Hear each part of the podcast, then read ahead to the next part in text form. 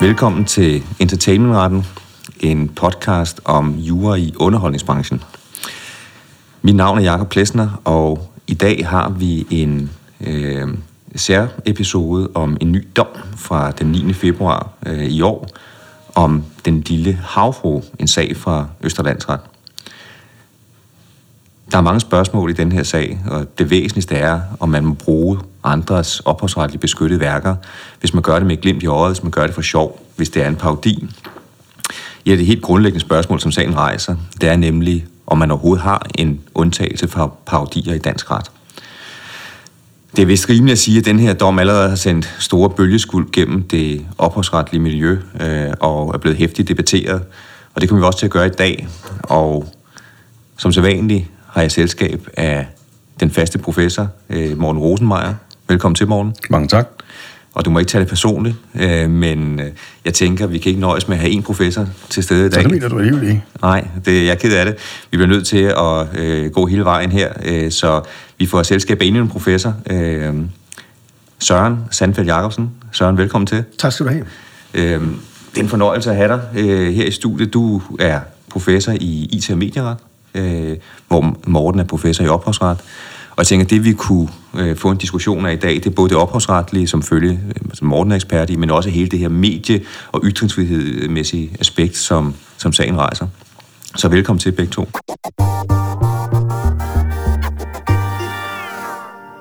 Det vi skal drøfte, det er som sagt Østerlandsrets dom fra den 9. februar. Øh, og for dem derude, som ikke lige har læst øh, dommen, øh, så kan jeg sige, at det er en lang sag på 79 sider, og dermed betragteligt længere end det eventyr, det hele handler om. For det hele springer ud fra historien og eventyret om den lille havfru, som H.C. Andersen skrev i 1837. Det eventyr, det endte ikke lykkeligt for den lille havfru. Tværtimod, så var det et ret barst eventyr. Hun ender med at få skåret sin tunge af og bliver til bølgeskum, i modsætning til den lidt omredigerede Disney-version. Og ja, der går det bedre. Der går det lidt bedre for hende, øh, end kan vi godt afsløre. Det er jo... Hos Andersens eventyr er jo generelt øh, nogle hårde nogen at læse for sine børn, kan jeg afsløre, hvis, i forhold til Disneys. I retssagen, ligesom i Disney, der går det hende også lidt bedre end øh, hos H.C. Andersen. Men man skal huske, når man hører den her øh, sag, at som sagt, det hele er baseret på H.C. Andersen. Vi har en berømt skulptur, som Edvard Eriksen lavede i 1913, øh, som vi alle kender ud fra lang linje, øh, den lille havfru-statue øh, øh, og skulpturen. Øh, Eriksen døde i 1959, og med den opholdsrettelige beskyttelsestid, vi har på 70 år efter dødsår, så udløber den først ved udgangen af 2029. Og det, som sagen drejer sig om, det er, at øh, Berlinske øh, havde lavet øh, nogle artikler, øh, nogle indlæg, to styk, i 2019 og 20, hvor man havde portrætteret øh, den lille havfru som henholdsvis en zombie øh, og med mundbind. Og Morgen, kan du ikke forklare lidt om, hvorfor havde man gjort det, og hvad er det, sagen egentlig rejser af, af spørgsmål? Jo, altså, øh, Berlingske øh, havde på et tidspunkt en... Øh, øh, artikel, der handlede om øh, debatklimaet i nordisk politik, og budskabet var, at klimaet var blevet hårdere og øh, mere fjendtligt, ikke mindst efter at fælles kurs øh, var kommet på banen. Og for at illustrere det, bragte de på forsiden af deres opinionssektion et øh, skræmmende billede af den lille havfru, der ligner en zombie med alle mulige uhyggelige ting flyvende øh, rundt ved siden af hende, og hun sidder også med sådan et flosset danbrugsflag. Og herudover havde øh, Berlingske Tidene på et andet tidspunkt i øh, en artikel, der handlede om sammenhængen mellem øh, frygt for coronasmitte og, poli- og øh, politisk ståsted, tror jeg det var, øh, bragt et fotografi af den lille havfru med mundbind på. Og øh, spørgsmålet var så, om øh, øh Berlingske måtte det, eller om det var noget, som øh, dem, der har ophavsretten til, til Edvard Eriksens øh, statue, hans arvinger, øh, kunne øh, sige nej til. Og øh, øh, det er det, sagen her handler om. Skal man herunder i øh, pressen og andet sted kunne bruge karikaturtegninger af den lille havfru, selvom hun er et beskyttet værk, eller betyder ophavsretten, at det må man ikke. Men inden vi kommer dertil, øh, så tillader mig at spørge sådan, altså det her et helt basalt spørgsmål. har vi ikke regler i opholdslovens paragraf 24, øh, som siger, at hvis kunstværker står frit tilgængelige, så må man, øh, så må man bare afbilde dem? Nej, for der må de ikke være hovedmotivet. Øh, øh, og det var havfruen på de billeder her.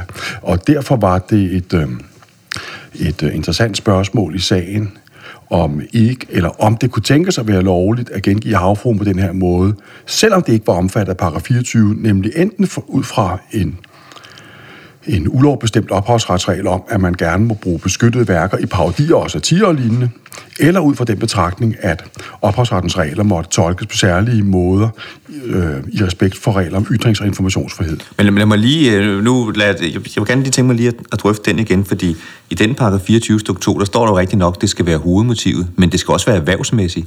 Øh, kan man med sikkerhed sige, at øh, det er et godt spørgsmål. aviser er erhvervsmæssige? Et godt spørgsmål. Øhm, det er der er ikke det nogen, der, altså, der, her er det vigtigt at være opmærksom på, at, øh, at øh, det godt kan tænkes, at begrebet erhvervsmæssig i ophavsretsloven har en særlig betydning, der ikke nødvendigvis er den samme som den, man har i markedsføringsretten. Jeg, jeg tror nok, at øh, alle medier, der på en eller anden måde har en, eller tjener penge ved kasse 1, herunder aviser, er erhvervsmæssig ophavsretlig forstand. Så jeg, jeg tror, så det er et godt spørgsmål om, øh, om øh, paragraf 24 overhovedet kan bruges øh, i aviser. Hvad, hvad mener du selv? Ja, så nu jeg kan stille, øh, give stafetten videre til Søren lige om lidt, man kan sige, frem til 1995, så havde man faktisk en øh, undtagelse i ophavsretsloven, som var formuleret på en anden måde. Og der ville aviser øh, godt, øh, det var en tvangslicens, så aviser kunne frit afbedle netop øh, kunstværker, som stod i det fri. Der var ikke det her øh, specielle krav øh, øh, om erhvervsmæssigt. Siden 1995 har man så lagt til grund, fordi man ændrede reglerne, og øh, øh, der var ikke nogen tvivl, tror jeg, om, at man får lovgiver side af ting, så må man i aviserne bruge de øvrige undtagelser. Der er der er også regler om, at det er dagsbegivenheder, så kan man vise det, og hvis det ikke er hovedmotivet, så står der nogle øh, turister ude ved den lille havfru, og man bare viser, at der er mange turister, så må man godt tage et billede af det. Men man må altså ikke er øh, udgangspunktet, hvis det er erhvervsmæssigt, tage et billede kun af den lille havfru og bruge det. Men øh, det er da et interessant spørgsmål. Det fylder ikke så meget i dommen, så det er jo ikke så meget det, vi skal bruge. Men Søren, hvad tænker du på det her med, at øh, aviser og nyhedsmedier bliver sat øh, i, i bås med erhvervsmæssig brug? Er det, øh, er det udtryk for sådan det almindelige opfattelse? Ja, altså i udgangspunktet må man jo sige, at, at øh, aviser er sat på jorden for tjene penge, og, og det er alle frie medier jo. Øh, øh, gudskelov kan man sige, at det er jo ikke alle medier i det her land endnu, der er stats, øh, statslige ejede medier, og, og de frie medier skal jo tjene penge, og så, så på den måde er det jo rigtigt, men jeg er enig med dig i, at det er jo stort set uberørt i dommen. Det er en enkelt sætning om, at det bliver lagt til grund, at de er kommersielle, og det her så dermed, altså brugen af den lille havfru i forbindelse med de her motiver, at, øh, at den så også må være kommersiel. Og det er så noget af det, vi kan komme tilbage til, men der synes jeg måske, at de øh, Øh, drager nogle lidt forhastede konklusioner. Jeg, jeg savner i hvert fald lidt en diskussion af hele det her med, godt så, aviser er fundamentalt set sat på jorden for at tjene penge. Det er hævet over enhver tvivl. Men når de så redaktionelt vælger at bruge værker til at understøtte den ytringsfrihed og informationsfrihed, de jo utvivlsomt har endda en, en udvidet i forhold til andre mennesker, kan man så, og bør man så anlægge et mere nuanceret blik på, på begrebet erhvervsmæssigt, altså i forhold til den kommercielle ytringsfrihed og mediemæssige ytringsfrihed, som et øh, nyhedsmedie har. Og det, det er i hvert fald noget af det, jeg savner, og det er måske noget af det, vi kan vende tilbage til. Ja, man kan sige, det, det er et spørgsmål, som ikke fylder så meget i dommen, og ud fra sådan en ren ophavsretlig vurdering vil man nok sige, at der er heller ikke øh, så meget at komme efter. Jeg, jeg, troede, jeg troede faktisk ikke, vi måtte nørde i den podcast der. Nu synes jeg, vi er totalt i gang med at nørde i noget med paragraf 2 stykke 3, i stedet ja, ja, ja. for at beskæftige os med det Men store, først, overordnede, vigtige morgen, spørgsmål. Morgen tilbage på sporet, ja, fordi altså, det, nu, det store spørgsmål, det må være, det er, er det for sjov? Ja, det store spørgsmål er, øh, hvilket samfund vi har lyst til at leve i, ikke? Øh, sagen er jo, at i et demokratisk samfund som vores, så skal der være en vidstrakt mulighed for debat herunder i pressen, og i den sammenhæng, øh, så bør man også have lov til at være sjov. Og det er ikke bare for sjov skyld, man øh, skal have lov til det. Det er også fordi humor på en eller anden måde er et vigtigt kommunikationsmiddel, også i debatter. Det er derfor, der altid er karikaturtegninger øh, i aviser. Humor kan få... Øh, eller kan fremstille tingene øh, på en måde, så tingene står klare for publikum, end hvis humoren ikke er inde i billedet, eller Øh, humor kan øh, fange læsernes opmærksomhed på en anden måde end, øh, en ikke-humoristisk ytringer kan. Så derfor øh, er det vigtigt, at der også i politiske debatter er en vidtstrakt mulighed for at udsætte vores omgivelser for satire og lignende. Det har Menneskeretsdomstolen sagt i adskillige øh, domme, og øh, i, som udslag af samme tankegang har man i dansk ophavsret øh, hvor længe er det så, 100 år eller sådan noget, mm. øh, fast antaget, at det var tilladt at parodiere beskyttede værker uden at spørge øh, ophavsmanden. Øh, jeg tror, det står i de første 20 juridiske øh, bøger helt tilbage til 1800-tallet. Der gælder noget tilsvarende i andre lande. Og øh, der er også afsagt domme på området herunder for eksempel en meget central svensk højesteretsdom fra begyndelsen af nålerne. Der har været nogle tvivlsspørgsmål på det. Øh, for det første har man diskuteret om øh, den der parodi, det så var lovligt at lave, godt måtte angå noget andet end de parodierede værk, eller ej.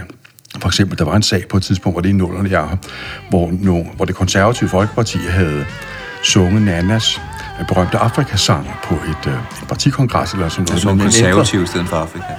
Ja, så sagde de konservative i stedet for Afrika og morede sig selv dejligt. Øh, det gjorde Nana ikke, og så gik den til retten, og så sagde retten, øh, eftersom formålet ikke var at parodie Afrikasangen, øh, var det ikke en lovlig parodi. Det afspejlede den retsopfattelse, af parodier sådan set godt kunne være ophavsrettet lovlige, men det skulle angå værket, øh, der indgik i parodien, og ikke noget øh, andet. Det var et tvivlsspørgsmål. Der har også været forskellige andre tvivlsspørgsmål. Et har været om øh, den der parodiregel, man mente galt, både dispenseret fra de økonomiske rettigheder i ophavsretslovens paragraf 2, altså retten til kopiering og fremførelse og sådan noget, og fra de såkaldte ideelle rettigheder i paragraf 3 herunder den såkaldte respektret, som siger, at man ikke må ændre værket på en måde, der gør ondt i ophavsmanden. I den lærebog, vi øh, øh bruger på, øh, på KU, lærebogen i immaterialret, øh, står der, at parodireglen dispenserer for begge paragrafer, og jeg er sikker på, at det er rigtigt, for jeg har skrevet hvert eneste ord selv. Men øh, det har været et, et tvivlsspørgsmål, øh, som man øh, kunne diskutere, og endnu et tvivlsspørgsmål har været, øh, følger det der parodiprincip af ophavsretslovens paragraf 4 stykke 2, der siger, at man gerne må udsætte værker for fri benyttelse, eller at der taler om en ulovbestemt undtagelse. En ting var vi alle sammen rørende enige om, dog, også Søren og mig. Søren har skrevet en fin artikel om det i Nordiske Materialretsygt. Der gælder et parodiprincip. Herom er der ingen tvivl. Så vil sige, indtil, indtil den her dom, indtil så har det været dom. fast antaget, af alle, jeg tror på nær en enkelt, i alt fairness, øh, Linkis. Øh, min, min unge ven, Linkis, ja. ja.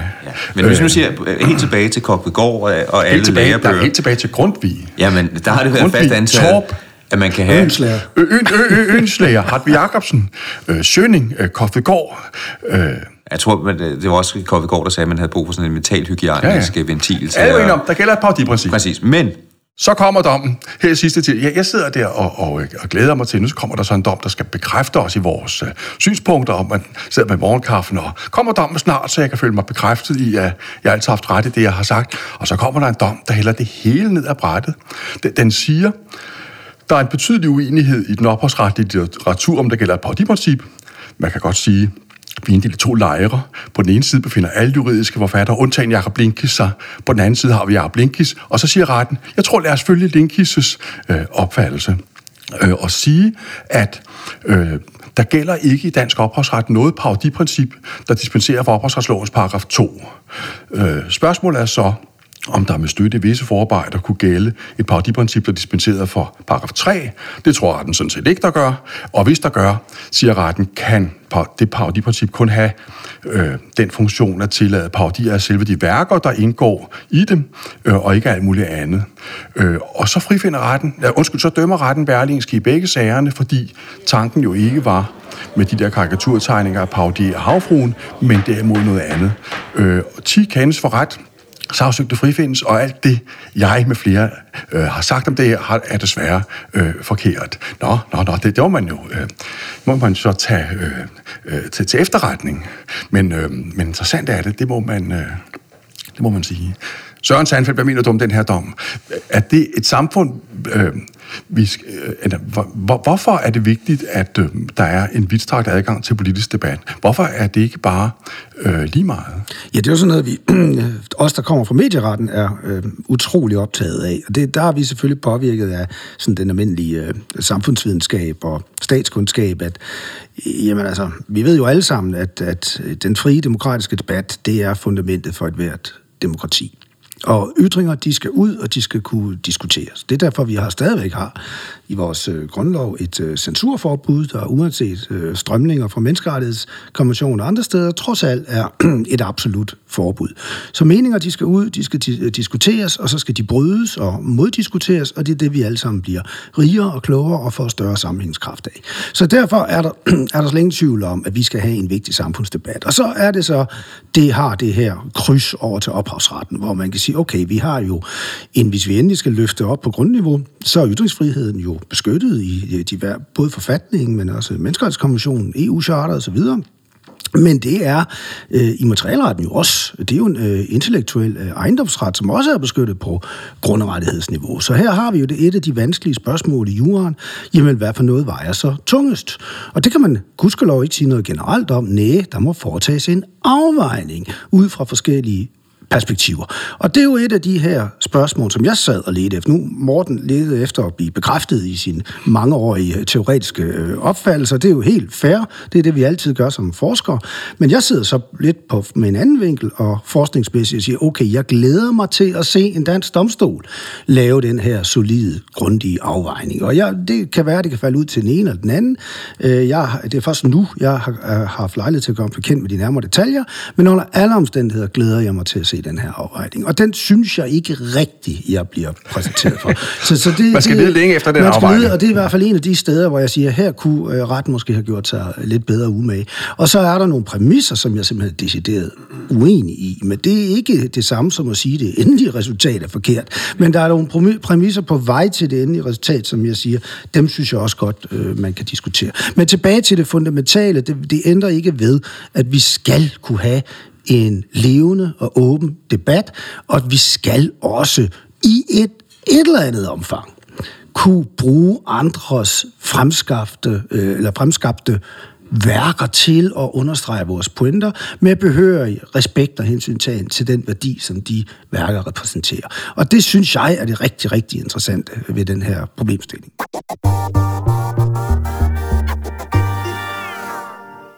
Et enkelt spørgsmål, man kan sige, Landsretten skal selvfølgelig fortolke øh, retstilstanden, som lovgivningen nu engang er.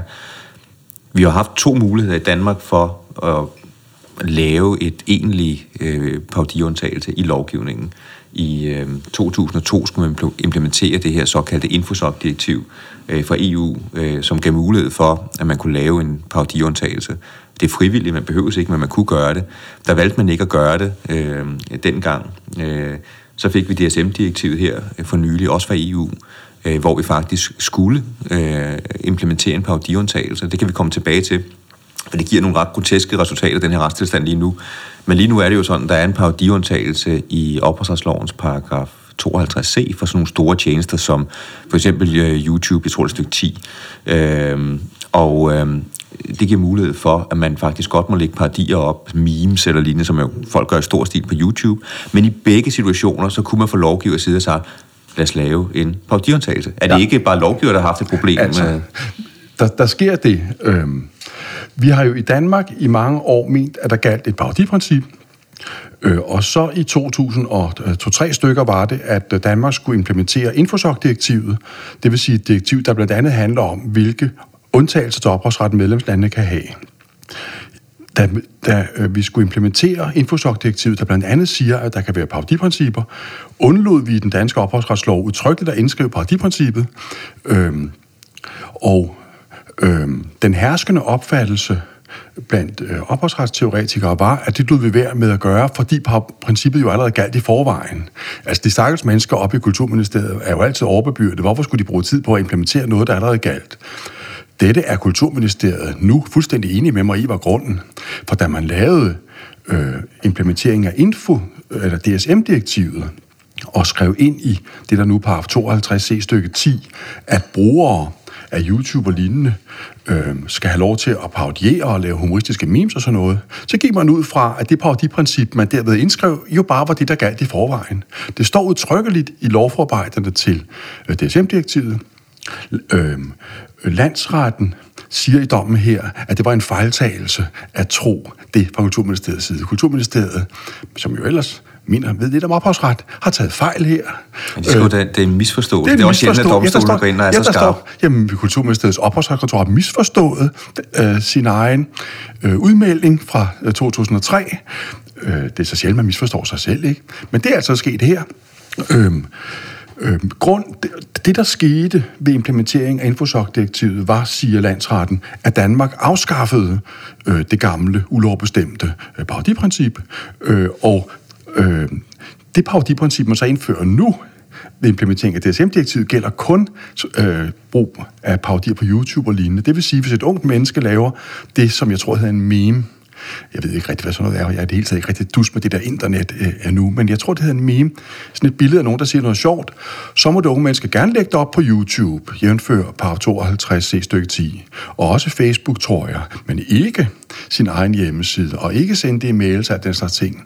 Øh, og hvis, øh, altså jeg har den romantiske idé, at det er godt for et retssystem, at det ikke er for vanskeligt, øh, og der har en passende enkelhed øh, det lever det her i hvert fald ikke op til. Man har med den udmelding fra landsrettens side, hvor man fejrer kulturministeriet af bordet og siger, at, man, altså, at der gælder et parodiprincip i en relation, men ikke en anden, øh, skabt en retstilstand, der er fuldstændig umulig at arbejde med for øh, almindelige mennesker. Det synes jeg er en væsentlig ting at fremhæve.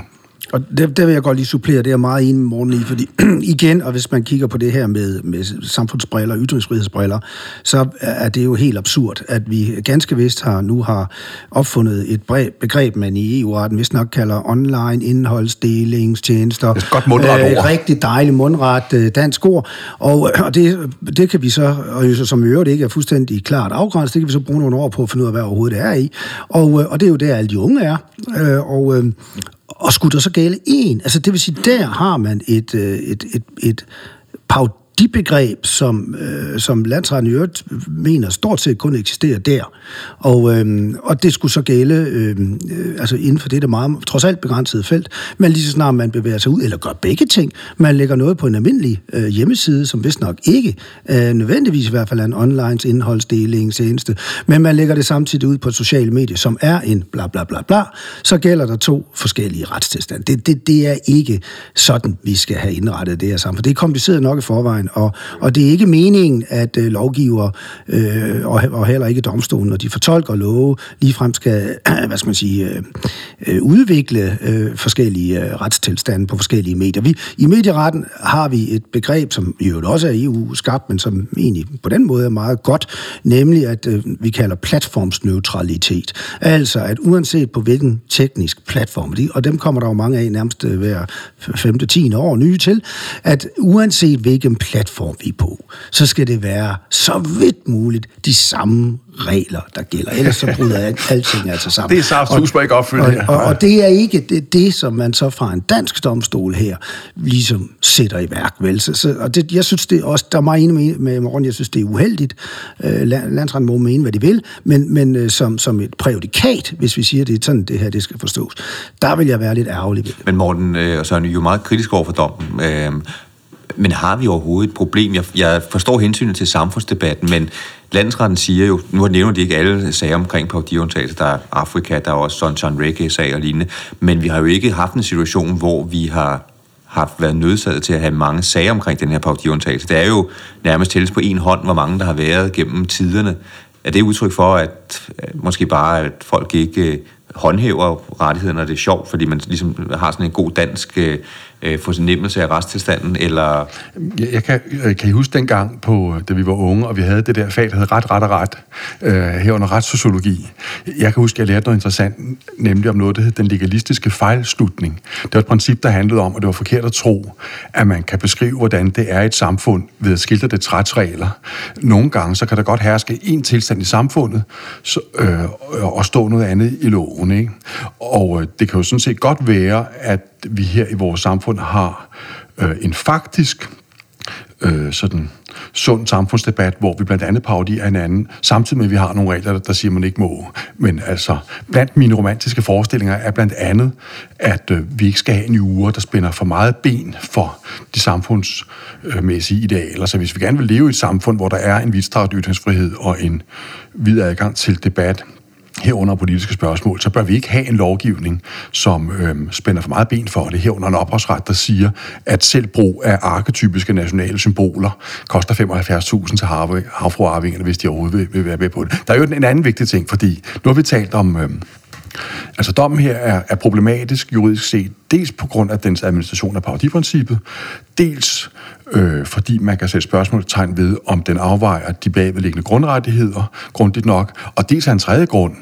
Øh, dommen siger, at udover at Berlingske har krænket ophavsretsloven, har de også krænket markedsføringsloven, fordi de er et kommersielt foretagende, og når de sådan bringer øh, ulovlige karikaturtegninger på deres øh, sider, øh, krænker de den lovgivning, man har for erhvervsdrivende om, at den skal opføres ordentligt.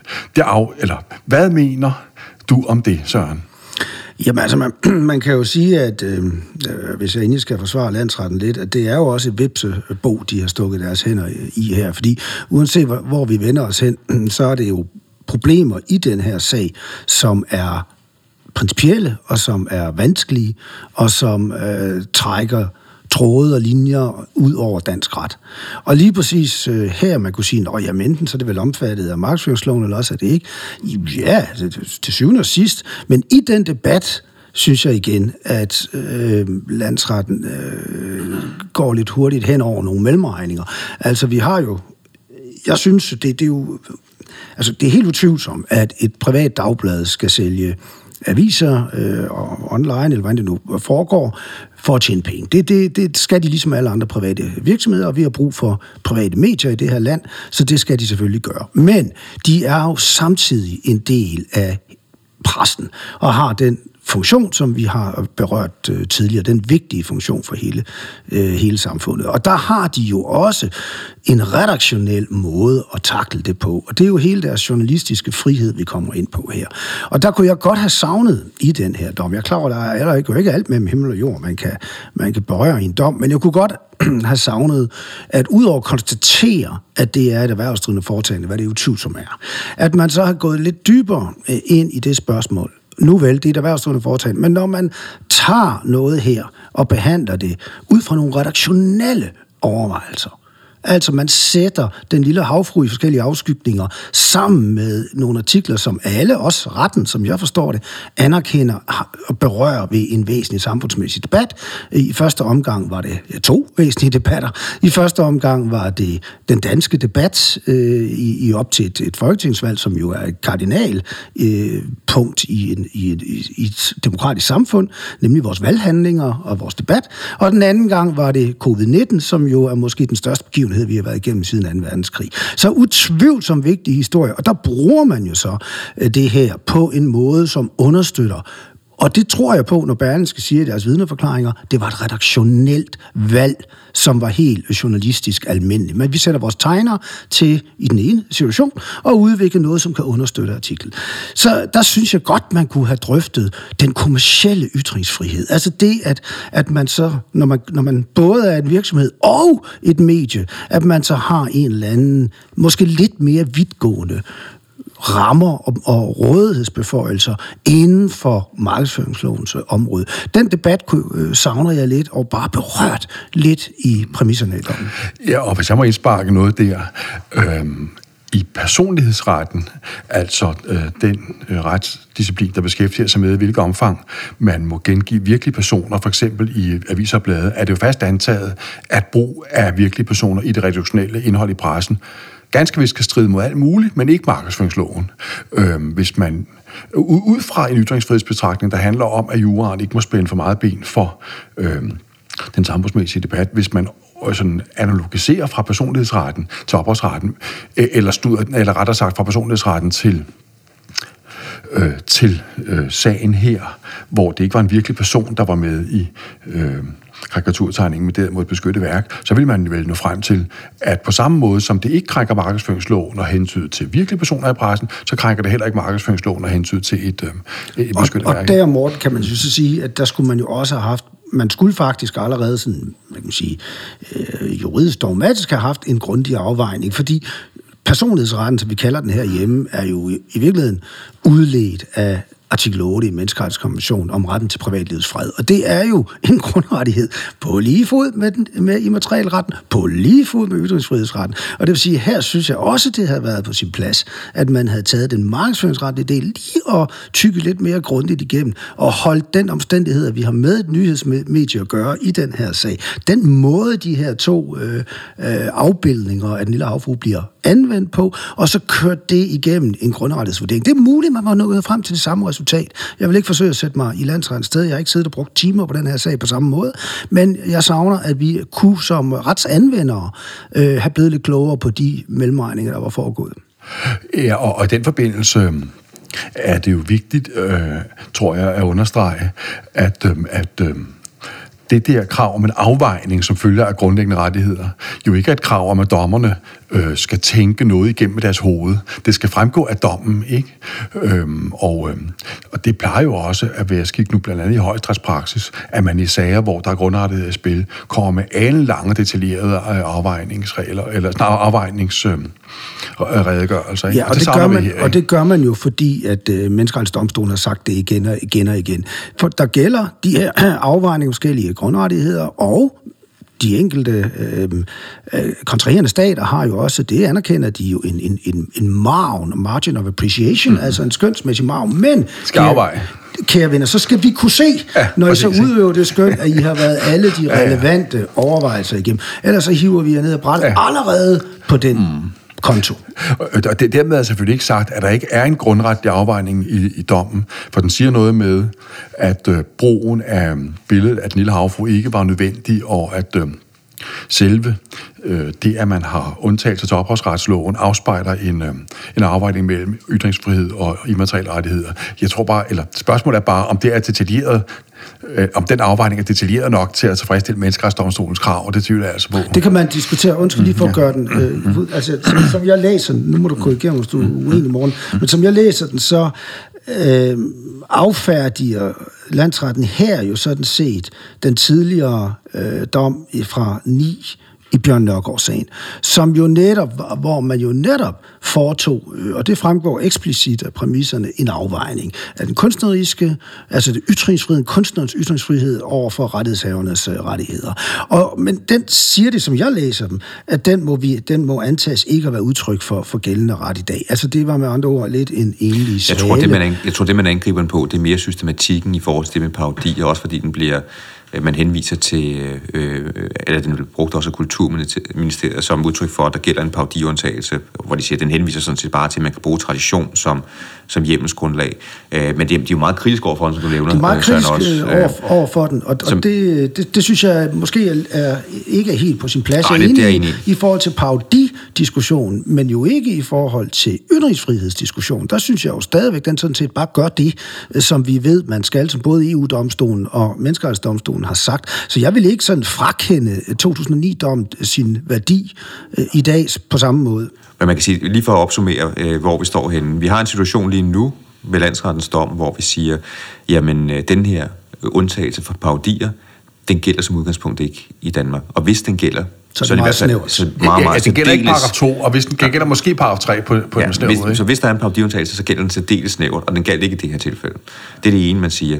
Øh, så ved vi, øh, at der gælder en paudiundtagelse. Det var bare ikke relevant for den her sag, når det er for øh, meget, meget store tjenester, som for eksempel YouTube, typisk amerikanske tech-giganter, øh, så er der en undtagelse, hvis man er alene for det felt. Det var bare ikke tilfældet her, det er fordi, det står i loven. Og så det, vi snakker om nu, det er selvfølgelig det her med, jamen, et andet spørgsmål i sagen, det var ytringsfriheden generelt, EMRK's, den europæiske menneskerettighedskonventions artikel 10. Øh, hvis vi lige, vi kan lige måske parkere det med artikel 10 til lige øh, øh, til sidst, øh, for der har vi noget, noget praksis at læne os op af. Jeg kunne godt tænke mig lige at brede diskussionen ud til at se, hvor stiller det Danmark i forhold til nogle af vores andre lande. Øh, landsretten gør meget ud af at sammenligne med, med øvrige lande og bruger en britisk rapport fra øh, 2013 øh, til at sige, hvordan er retsreglerne i, i hvert fald nogle andre lande. Øh, men jeg kunne godt tænke mig lige at gennemgå det, fordi det er ikke alle lande, man kommer ind på. Og der er nogle sager med dansk islet, som har haft øh, øh, stor betydning for øvrige lande. Øh, tidligere i podcasten øh, har vi øh, en gang imellem optalt øh, øh, en dansk sag, eller i hvert fald en sag med øh, danske aspekter, øh, som udspringer fra Belgien, fordi vi har en kendt dansk kunstner, Ole Alberg, som laver malerier med Tintin, øh, hvor øh, Tintin bliver sat lidt mere erotisk udfordrende situationer på malerier. Malerier, som i øvrigt øh, er blevet voldsomt populære og voldsomt dyre. Øh, og der var en sag for appelretten i Bruxelles i 2007 blandt andet, hvor Alberg skulle udstille i, i Belgien, og hvor man fra rettighedshavernes side ville øh, have billederne forbudt, fordi man brugte jo Tintin-figuren. Noget ophavsretligt beskyttet, ligesom Lille Havfru, nationalsymbol for, for Belgien stort set, det er i hvert fald noget af det mest kendte. Øh, og i Belgien, der har man en undtagelse, sådan en generel undtagelse, ikke kun for parodier, men den nævner også par, parodier, jeg tror det er paragraf 87 i den belgiske ophavsretslov. Og der sagde man dengang, at øh, Ole Alberg blev frikendt, fordi det var en parodi, og som kunstner havde man brug for at kunne tegne det her. Ligesom Bjørn Nørgaard i øvrigt blev frikendt i den her sag, som du omtalte, Søren, øh, hvor det var en lille havfru faktisk, han havde brugt i, i et kunstværk. Øh, den dom, hvis det havde været i Danmark nu, at Ole Alberg har, har tegnet Tintin. Vil, ja, så har han haft et problem. Det må men, man sige, man prøve, ja, det vil ikke gå, eller hvad? Nej, fordi øh, man, kunne, man kunne knalde ham efter opholdsretsloven paragraf 2. Der gælder jo ikke noget parodiprincip, siger landsretten, øh, der dispenserer for paragraf 2. Øh, det er det, vi har øh, det tror for her. Bortset fra, hvis du er på YouTube eller Facebook, for så, så gælder det nemlig. Nej, men altså, der er masser af... Og hvad med kunstnerisk ytringsfrihed? Øh, du, var, du, du sagde jo, at landsretten sagde den her Bjørn Nørgaard sagde lidt over og sagde, at det var en... Ja, altså, jeg tror ikke, det er en misforståelse, men den var ikke... Øh, nu kan jeg ikke lige huske det præcise, den siger, men jeg mener, de siger, at den ikke er i overensstemmelse med den systematikken i opholdsretsloven, tror jeg, det er, de siger. Ja, altså, hvis jeg må svare på det, ja. altså i i øh, den der Hornslet-dom var spørgsmålet, om Hornslets pornografiske collage var en parodi, øh, nej, var, var, lov, var lovlig brug af det foto, øh, der indgik i den, øh, ud fra ytringsfrihedsbetragtninger. Og det sagde landsretten noget med, det var der ikke grundlag for at mene. Det kan forstås på to måder. Enten mente landsretten ikke, at ytringsfrihedsbetragtninger i den konkrete sag kunne berette i brugen af fotoet, eller også mente landsretten ikke, at ytringsfrihedsbetragtninger nogensinde kunne spille nogen rolle i opholdsretssager. I, I den dom her siger landsretten imidlertid, at øh, Bjørn øh, at øh, Hornslet-dommen til syneladende har en anden retsopfattelse end Bjørn Nørgaard-dommen. Det vil sige, at ytringsfrihedsbetragtninger aldrig kan øh, medfører, at noget, der er ophavsretligt ulovligt, øh, alligevel er, er lovligt. Det, det, det vil jeg mene har karakter en slags retsvilfarelse i, øh, i, i dommen her, eller i hvert fald en dybt problematisk antagelse. Men jeg, hvis jeg må vende tilbage til det der Måle Alberg og så videre. Dommen her har jo store konsekvenser, hvis den står ved magt. Øh, rigtig mange øhm, øh hvad hedder det, parodier, som man har, været, som man har sådan ment var lovlige i henhold til parodiprincippet, vil nu være ulovlige. Tag så noget som rytteriets øh, berømte øh, sketches, hvor de øh, kører den ind med penis, ikke? For eksempel, og de kan nok huske, øhm, øh, Sebastian øh, vil i sketchen gerne øh, skrive en sang, der hedder Penis fra Pjort. Øh, og så overtaler produceren han har til at prøve med hot der. Ah, men så der er det jo mere originalt med penis. Og så prøver det. Der er visse øh, musikere, der over for Danmarks Radio med flere har gjort gældende, at det her var ulovligt, men de blev smidt ned ad trappen med henvisning til parodiprincippet. Øh, nu har de jo en sag alle sammen. Sebastian Søsfinger, øh, John Månes arvinger, etc. Rytteriets øh, sketches synes at være retstridige efter den øh, dom her, eller øh, den svenske højeste domstol afsag jo øh, for nogle år siden den der berømte dom om Alfons Åberg. Øh, et radioprogram havde sammenklippet sentenser med øh, fra øh, Alfons Åberg-bøgerne med klip fra den danske film Pusher 1 på en måde, som gav indtryk af, at Alfonses engagement i narkotikakriminalitet og vold lå væsentligt ud over. Du skylder mig penge, far. Du skylder mig penge, Alfons. Hvad man hey, øh, må tro ved læsning af de autoriserede øh, bøger. Det var en lovlig parodisag, øh, hvad hedder det, højeste domstolen, ikke noget, man kunne gøre noget ved. I dansk ret ville det der være ulovligt nu, efter den dom her. Så, så øh, altså, det er noget, der har en, en, en effekt, ikke? Jeg kan så sige, at grunden til, at man gjorde det i den sag med Alfons Åberg, det var jo også fordi, at man synes, det var så sjovt i Sverige, at Alfons Åberg, det var blevet oversat direkte til Alfons Åberg. Det er hvis kun i Danmark, og måske et enkelt land øvrigt, hvor han hed Alfons Åberg. Alfons betyder jo noget andet også i ja, det kan det godt, ja. Øh, og, det, og pusheren er også Alfons i, øh, mm. I pusherfilmen der øh, fra 90'erne. Det, det kan øh, være, at de i, i engelsktalende lande omtaler, eller oversætter ham til pimp Uber. Ja.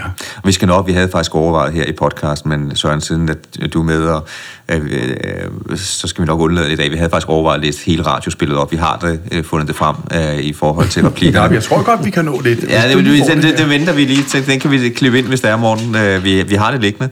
Øh, men, øh, men det er jo sådan noget, hvor du siger, at det vil faktisk også være øh, ulovlig. Det vil det være efter, efter et nu og, i, og i svensk ret har man ikke en paudiundtagelse i loven.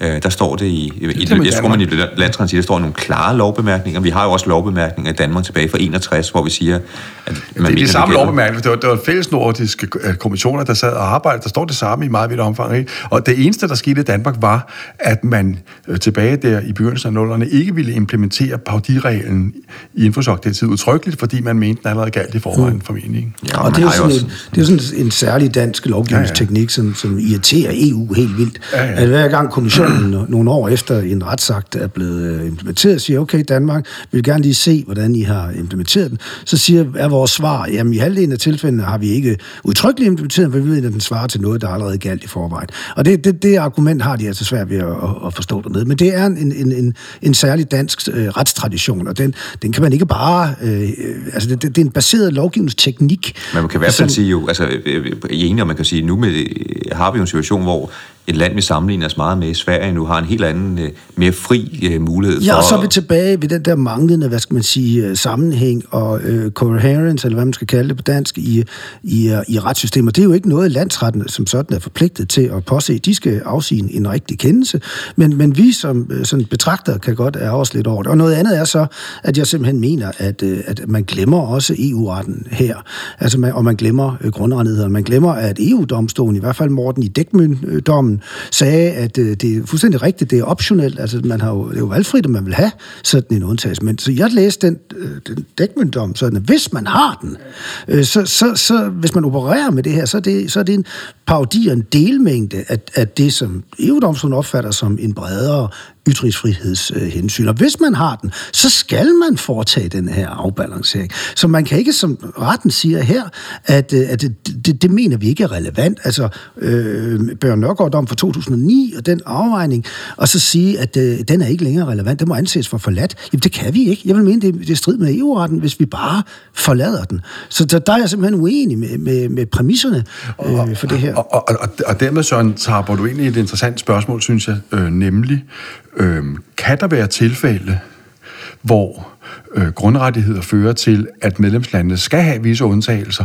selvom de er optionelle ifølge infosok-direktivet. Jeg, jeg, jeg snakkede med, øh, med vores kollega Dan Stavsholm øh, om det her for øh, øh, nylig, over en fredagsøl faktisk, hvis I gerne vil vide det. Og, og Dan han sagde så øh, noget klogt, som man altid gør, nemlig, øh, prøv at forestille jer, at vi har et land, som vælger ikke at implementere nogen af infosok-direktivets undtagelser. Det er medlem af EU, men det synes ikke, at der skal være nogen undtagelser til altså, opholdsretten. Alt skal koste. De har ikke nogen citatregel. De har ikke nogen regel om brug i undervisningssammenhæng. De har ingen parodiregel. Det eneste, de har, er de der obligatoriske undtagelser. Øh, alt koster penge, alt kræver tilladelse. Lever et sådan land op til EU-charterets regler om, øh, om beskyttelse af ytrings- og informationsfrihed? Eller kan man sige, at... Øh, at der trods alt er, er grænser. Man skal altså, i den sammenhæng også huske, at infosok-direktivet og dets liste og undtagelser øh, kom til på et tidspunkt, hvor ytringsfriheden ikke nød samme sådan mm. opmærksomhed som i dag. Ikke? Altså igen, og det, det synes jeg nemlig er et rigtig, rigtig interessant spørgsmål, det der. Og jeg, jeg hælder nok egentlig til at sige, at, at øh, ja, øh, indirekte kan grundrettighederne i EU-retten, øh, menneskerettighedskonventionen, godt føre til, at man kan blive tvunget til, og, og i hvert fald at inddrage nogle parodi, hvis vi anser parodi som et, et, en delmængde af et bredere ytringsfriheds- og informationsfrihedsbegreb, så mener jeg faktisk, at man er forpligtet til det, fordi at, altså, øh, man kan jo godt lave, altså der, der er ingen tvivl om, at, at når man, hvis vi ans, altså menneskeretligt og medieretligt, vil man spørge sig selv, kan ophavsretten udgøre et indgreb i ytringsfriheden og informationsfriheden. Og hvis det gør, jamen så ryger vi lige ind i tankegangen i både artikel 10 i MK og artikel 11 i Charter, så siger man, man kan godt lave indskrænkninger, men der skal være en lovhjemmel til det, og det skal ske ud fra nogle øh, grundlæggende hensyn, og der kan beskyttelse af den intellektuelle ejendomsret bestemt være et savligt øh, grund. Ingen tvivl om det, men det skal også være proportionalt. Og så ser man på, går det for vidt her i forhold til det, som, som ytringsfriheden vil kræve. Og det er der, man skal lave den afvejning. Og derfor vil jeg mene, at konkret vil man godt kunne sige, hvis det er noget ned til EU-domstolen, vil de så at sige indfortolke et, et øh, parodi eller et ytringsfrihedshensyn og begreb ind i national ret, selvom den, den pågældende national ret ikke som sådan havde det. Altså det er selvfølgelig min øh, vurdering. Jeg ved ikke, om du er enig, Morten, men det vil jeg bestemt ikke udelukke. Nej, altså det, det, det er i hvert fald... Øh nu, nu fandt jeg lige det sted i dommen, hvor de foretager afvejningen mellem forskellige grundrettigheder. Nu læser jeg det op. I, øh, det er ganske kort. Ophavsretslovens kapitel 2 indeholder en række undtagelser til ophavsretten, herunder paragraf 23-24a, der angår kunstværker med videre. Undtagelserne må anses for at tilgodese det i den europæiske menneskeretsdomstols praksis anførte hensyn til at afbalancere ophavsretten over for hensyn til ytringsfriheden. Punktum. Nå, om, og det var lige præcis den, har jeg streget under, og der, den, den fik mig til at, at tænke lidt, fordi det kan forstås på to måder i bedste fald. Øh, den, den for landsretten gode fortolkning er, at, de, at man skal forstå den her sætning som, at de har vurderet de her bestemmelser op imod ytringsfriheden i den konkrete sag. Og her giver det ikke anledning til overvejelser. Det er den venlige. Den lidt mere uvenlige, det er, at man kan godt læse det her, som om de siger, det ligger allerede indarbejdet i de her bestemmelser. Og så er det, jeg lige må tilbage og tjekke, øh, hvornår er det lige, de her bestemmelser stammer fra. Så vidt jeg kan se, så går de jo i hvert fald tilbage til 61-loven, og også har jo tradition meget længere tilbage. Og det vil sige lang, lang tid før både, at vi implementerede EMRK i 1992, og at EU-rettens øh, grundrettigheder for alvor har udviklet sig med EU-charter, som så kom ind og blev traktatfæstet med Lissabon-traktaten. Øh, øh, og herefter har der udviklet sig en rig retspraksis, så, så man kan jo ikke Altså, det vil være, altså, jeg tror simpelthen, man må sige, de her bestemmelser skal jo som alle andre nationale regler, der kan begrænse ytringsfrihed, fortolkes i lyset af den retspraksis, der er Det vil være det rigtige. Nu er det lidt videre. Der kommer faktisk lidt mere. Øh, det to øh, i afsnit efter, nu skal jeg heller ikke være uretfærdigt, der, der står der noget om, at øhm, grund til, at det her er i orden, er, at det ikke var nødvendigt at bringe øh, billedet. Det der nødvendighedskriterium, som mm. vi også har talt om i tidligere podcast. Ikke? Bare lige for at opsummere for lytterne, som øh, for at have overblik. Altså et af, vi har snakket om det med den ophavsretlige undtagelse for parodier, som man, man fejrer af brættet. Og det vi drøfter her, det er så, om der gælder øh, sådan mere ytringsfrihedsmæssigt mm. med hjemmel i den europæiske menneskerettighedskonventions mm. artikel 10, gælder en undtagelse for, at man kan, kan bringe øh, de her... Øh... Men, men der vil jeg sige, at det, det er ikke fordi, jeg nødvendigvis synes, konklusion medieretlig er forkert. Altså, der er sådan... Øh, hvis man skal prøve at udlede det, retspraksis er bestemt ikke entydigt, og så voldsomt meget har vi heller ikke af den på det her punkt. Men der er sådan tre, synes jeg, betingelser, man kan sige, for at ytringsfriheden, den kan så at sige overrule øh, ophavsretten konkret. Og det er, at der skal være tale om en samfundsmæssig væsentlig historie. Er, er der det her? Det, det er der jo tvivlsomt. Der var to øh, historier, som jeg lige husker. Den ene, det var handlet om, øh, og lige op til et dansk folketingsvalg, en mere skandinavisk debat om selve tonen, altså øh, i, i den i øh, debatten i Danmark om, om samfundsmæssigt følsomme øh, spørgsmål. Det er selvfølgelig klart en historie øh, af samfundsmæssig interesse. Den anden er mindst lige så vigtig. Det handler nemlig om covid, øh, og, som jo måske er den vigtigste begivenhed siden 2. verdenskrig i Danmark. Så, så den betingelse er utvivlsom øh, øh opfyldt. Men, men, men så skal det jo så også være, være nødvendigt at bruge øh, værket her. Og der er jeg sådan set enig med, med landsretten ved at sige, og jeg forstår også Berneske i deres vidneudsagn selv siger, ja, vi kunne have valgt alle mulige andre virkemidler. Nu valgte vi så det, nu valgte vi det her, men det er da rigtigt, vi kunne helt lade være og bare have haft overskriften, eller vi, har, vi kunne have valgt nogle andre virkemidler. Og derfor vil jeg sige, ah, okay, under den, øh, den hensyn, så føler jeg mig ikke overbevist om, at, øh, at landsretten ikke har truffet den rigtige afgørelse medieretligt. Men, men jeg vil bare lige sige, det der nødvendighedshensyn, altså den der lære om, at ytringsfrihed kun kan øh, påvirke ophavsretsregler på særlige måder, hvis, det, hvis ytringen har været nødvendig at fremsætte, er jo ikke noget, så vidt jeg kan se, der stammer fra Menneskerettighedsdomstolen eller EU-domstolen. Det er noget, der stammer fra danske dommer, udsen de informationsretlige grundsætninger og sådan noget. Ikke? Så, så spørgsmålet er, om, øh, om nødvendighedskriteriet øh, ligesom også holder, hvis... Jamen, jeg, jeg, ser det, jeg ser det mere, undskyld mig, bare lige for at gøre en færdig, Morten, jeg ser det mere som, som et, en, så at sige... Proportionalitetsafvejning. Ja, en, en, en omskrivning af proportionalitetsprincippet, hvor man siger, kunne, man, kunne, vindre, kunne mindre indgribende virkemidler have gjort det? Var det virkelig nødvendigt, som øh, øh, byretten sagde i Rit Bjergård, der, hvorfor tog man hele kommissærens dagbog? Kunne man ikke bare have refereret nogle af de følsomme passager? Jeg fornemmer på Jacob Plesters kropsprog, at han vil sige noget, men det vil jeg desværre også. Og jeg har noget meget klogt og vigtigt at sige til det, Søren øh, siger her. Og, og, og det er, øh, øh, hvad hedder det... Øh, Altså, jeg tror, at når det handler om brug af billedkunst i debatter, øh, så øh, bliver man altså nødt til at være lidt fleksibel ved tolkning af det der nødvendighedskriterium, for det er jo aldrig nødvendigt at på den måde at bruge et billedkunstværk i en debat. Det kan være nødvendigt at bruge et litterært værk i en debat, for eksempel hvis man visiterer det eller sådan noget. Øh, I erkendelse af det skriver vi, eller jeg, hvis jeg gerne vide det, øh, noget klogt i, i lærebogen, og nu har jeg tænkt mig at læse op, øh, nemlig at øh, der skal gælde et... Øh, nu skal vi se her. Jeg skal lige finde læseren. Det må lige, øh, må lige vente, men det bliver godt, så de kan... Det er jo kloge, jo, det er jo kloge ord, det er jo vise nu ord, kommer det det. jo. Er, er, er vi klar? Først og fremmest må det være en betingelse, at den brug af beskyttet stof, der er sket, var nødvendig for at komme ind med et bestemt budskab. Det, I hvert fald må det kræves, at brugen var naturlig og rimelig. Jeg, jeg, jeg tror også, at den sidste tilføjelse her er væsentlig, når det handler om sådan noget med brug af billedkunstværker. Ikke? Øh, og, og derfor så tror jeg ikke...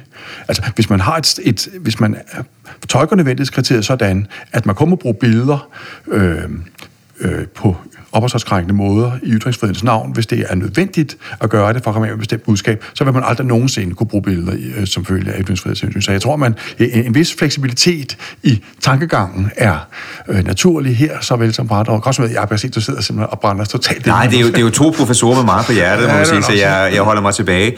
Jeg vil blot sige, på den del med et af øh, sagen omkring paudier, og det er jo meget den, som øh, jeg fornemmer er kontroversiel. Hvis man skal være lidt... Øh, forsvare ophavsretten lidt på det her område, så vil jeg sige, i forhold til spørgsmål omkring EMRK's artikel 10 stykke 1, så er der jo ikke noget nyt med dommen bibringer her. Altså, der følger den, den tradition, vi har haft. Du nævner, Søren, øh, Rit Bjerregaard-sagen øh, tilbage fra 97, hvor politikken udgav hele Rit Bjerregaards øh, dagbog. Hun havde besluttet ikke at udgive den. Det gjorde man alligevel.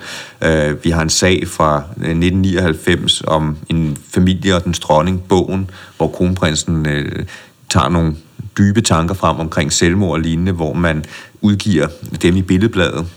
Det må man ikke, fordi det var ikke nødvendigt at lave så meget uddrag af bogen. Vi har en sag fra TV2 omkring et billede af nogle øh, fiskere, som døde under tragiske omstændigheder, og en redningsaktion, som gik fejl. Der må man heller ikke bruge billedet under henvisning til ytringsfriheden. Det var ikke nødvendigt. Man kunne godt fortælle historien. Vi har også haft en karikaturtegning i 2018 øh, i satiremagasinet Spot, øh, hvor man igen siger, at det, det var ikke nødvendigt. Så det er nødvendighedskriterie. Jeg ved godt, at man kan øh, drøfte, om det gælder, men der er i hvert fald ikke noget nyt fra landsretten der. Man bibringer ikke noget mm. nyt til retstilstanden. Mm. Der, hvor der virkelig sker noget her, det er jo, at man hælder hele paudiundtagelsen ja, det er jeg enig med dig i. Ja. Øhm, og det er den, som ligesom, tror jeg, sætter skuld øh, i gang. Og så er det klart, så kan man jo blande det sammen med øh, hvad kan man sige, øh, den, altså kan vi så ikke på en anden måde retfærdiggøre, at man bruger, gør det her, men øh, lige netop den del, den mener jeg ikke er så ny, i hvert fald i forhold til resttraditionen. Og i, det menneskerettighedskonvention har jo også i de sager, hvor det har været oppe med Pirate Bay eller modefotografier fra øh, franske modeshows, øh, sagt, at der vil, så længe man laver den her hensynsafvejning, som jeg også siger, ja, ja. så, øh, så, lave, så kan man godt beskytte mm, øh, ophavsretten. Mm, ja, ja. Altså, men vi står stadig i en situation, altså vi har jo lige haft, altså det synes jeg jo er retspolitisk vigtigt her øh, til sidst, vi står i en situation nu, hvor i de lande, vi sammenligner os med, der har man altså mulighed for en bredere debat. Vi nævnte øh, Alfons Åberg-sagen, øh, men for nylig var der også en anden øh, sag, som minder lidt om den her, øh, i Sverige. Øh, den hedder Svensk Tiger-dommen. Det var ikke en, en højstrætsdom, øh, men øh, det drejede sig om, i Sverige under 2. verdenskrig, så lavede man en, øh, fik lavet en tegning øh, af en svensk tiger i øh, blå og gul, som skulle symbolisere øh, sammenhold øh, i Sverige. Og det var der så en komiker, øh, Arne Flam, som ikke var helt enig i, fordi han mente faktisk, at han var kritisk over, hvordan Sverige opførte sig under 2. verdenskrig. Så han tog den her tiger, øh, og vi kan indsætte noget link, så man kan se det i, øh, øh hvad kan man sige, teksten under øh, podcastbeskrivelsen, og så puttede han den på forsiden af sin bog, øh, og sagde, det her det er en svensk tiger. Der er bare lige en ene forskel, der er, den ene pole, skulle jeg til at sige, den er hævet lidt op i en Heil Hitler-hilsen, og så har man givet den et hagekors på, fordi man gerne vil vise, at den her kultur, der var i Sverige på det tidspunkt, der samarbejdede man med Nazi-Tyskland. På samme måde, som man jo med den lille havfru i Berlin skal vi symbolisere, der var noget galt med debatkulturen, det var blevet igen højere radikaliseret, ligesom i det her tilfælde faktisk. Man tager, øh, hvad kan man sige, viser det på nogle andre måder med kunstnerisk med øh, gør zombie-ansigt på og, og lignende pigtråd og lignende. Men i princippet præcis det samme, som øh, Aron han ville.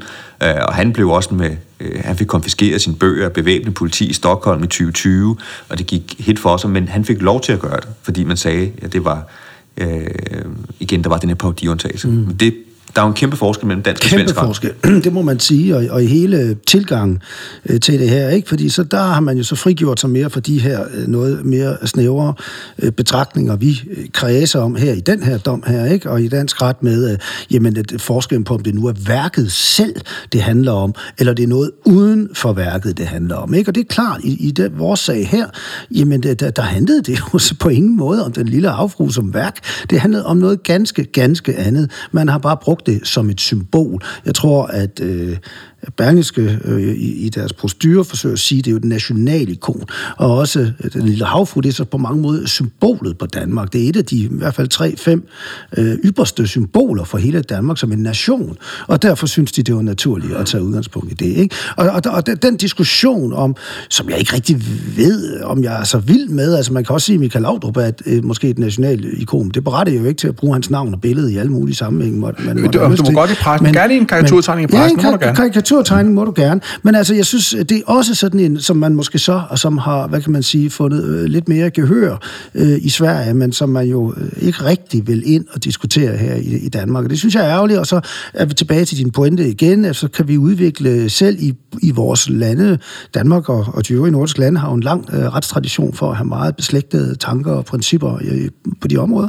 Og, og, og det skal vi nok ikke bevæge os alt for langt. Altså verden omkring os er vanskelig nok at overskue i forvejen. Vi behøver behøver ikke at gøre øh, vores egen lovgivning og forholdet til, til landene omkring os øh, vanskeligere, end det er i forvejen. Det er i hvert fald spændende at se, at to lande, som normalt, som du siger, er så sammenlignelige, og her også har en situation, hvor der ikke er nogen parodiundtagelse direkte op på sig øh, generelt, har bevæget sig fuldstændig øh, i forskellige retning.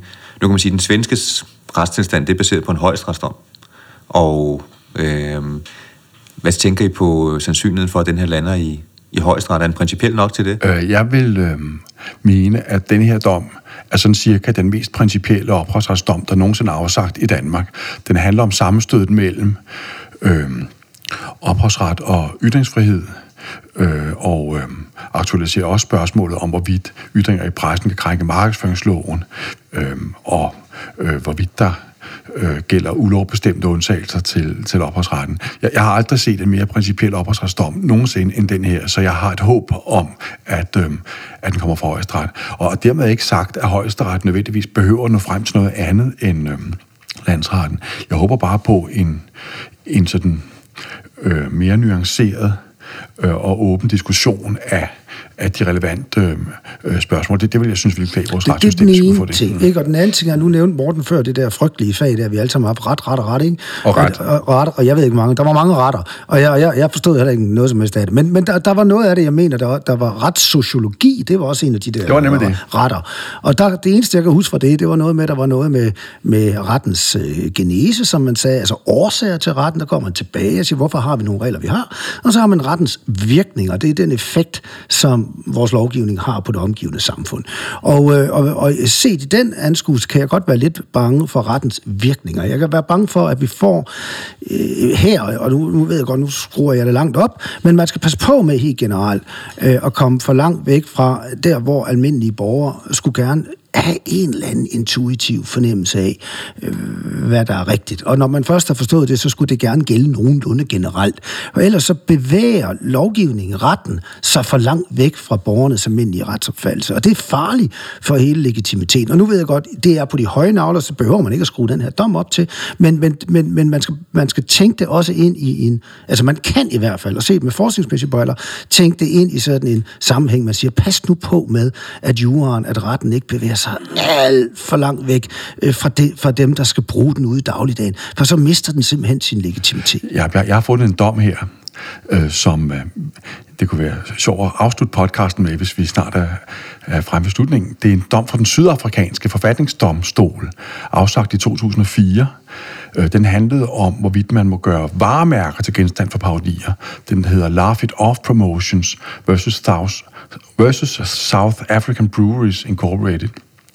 Øh, og den dom øh, har vist nok nogle præmisser på 100 sider, øh, og slutter med følgende afskedssalut, som egentlig er på engelsk, men som jeg nu vil oversætte, og hvis det er muligt at få underlægningsmusik på, mens jeg fremsætter det, vil det være en god ting. Øh, et samfund, som tager sig selv for alvorligt, øh, risikerer at lukke sine spændinger inde og at behandle øh, et hver tilfælde af uenighed som en trussel mod dets eksistens. Humor er en af de bedste rengøringsmidler i samfundet. Humor tillader øh, uenigheder og modsigelser i det offentlige liv at blive artikuleret på ikke-voldelige måder. Øh, den fremmer diversitet. Den muliggør en flerhed af utilfredsheder og uenigheder øh, kan blive øh, udtrykt på øh, myriader af spontane måder. Den er en elixir til fremme af konstitutionel sundhed. Varbehar. Sådan. Det var en måde at slutte podcasten på. Med de ord, så vil jeg sige tak, Morten og Søren, fordi I, I kom. Øh, de fordi sidste ord er formentlig Tak, måtte ikke sagt i, i denne her sag. Må Du ikke tror den, ikke, at, at dommen sætter et punktum for, for det hele? Nej, det tror jeg ikke. Jeg tror, den, øh, den, er, Jeg tror, der den kommer først mere. starter diskussionen. Det får vi at se. Tak fordi I kom. Lad os følge sagen. Øh, Vi har, kommer til et arrangement i Dansk Selskab for Ophavsret, øh, kun om sagen også. Der kan man følge den. Følge med på Dansk Selskab for Ophavsrets hjemmeside. Og så ikke mindst tak til jer lytter derude. Det er jer, vi laver det for. Tak fordi I lyttede med. Øhm, Ja, og Pas på jer selv og hinanden. præcis.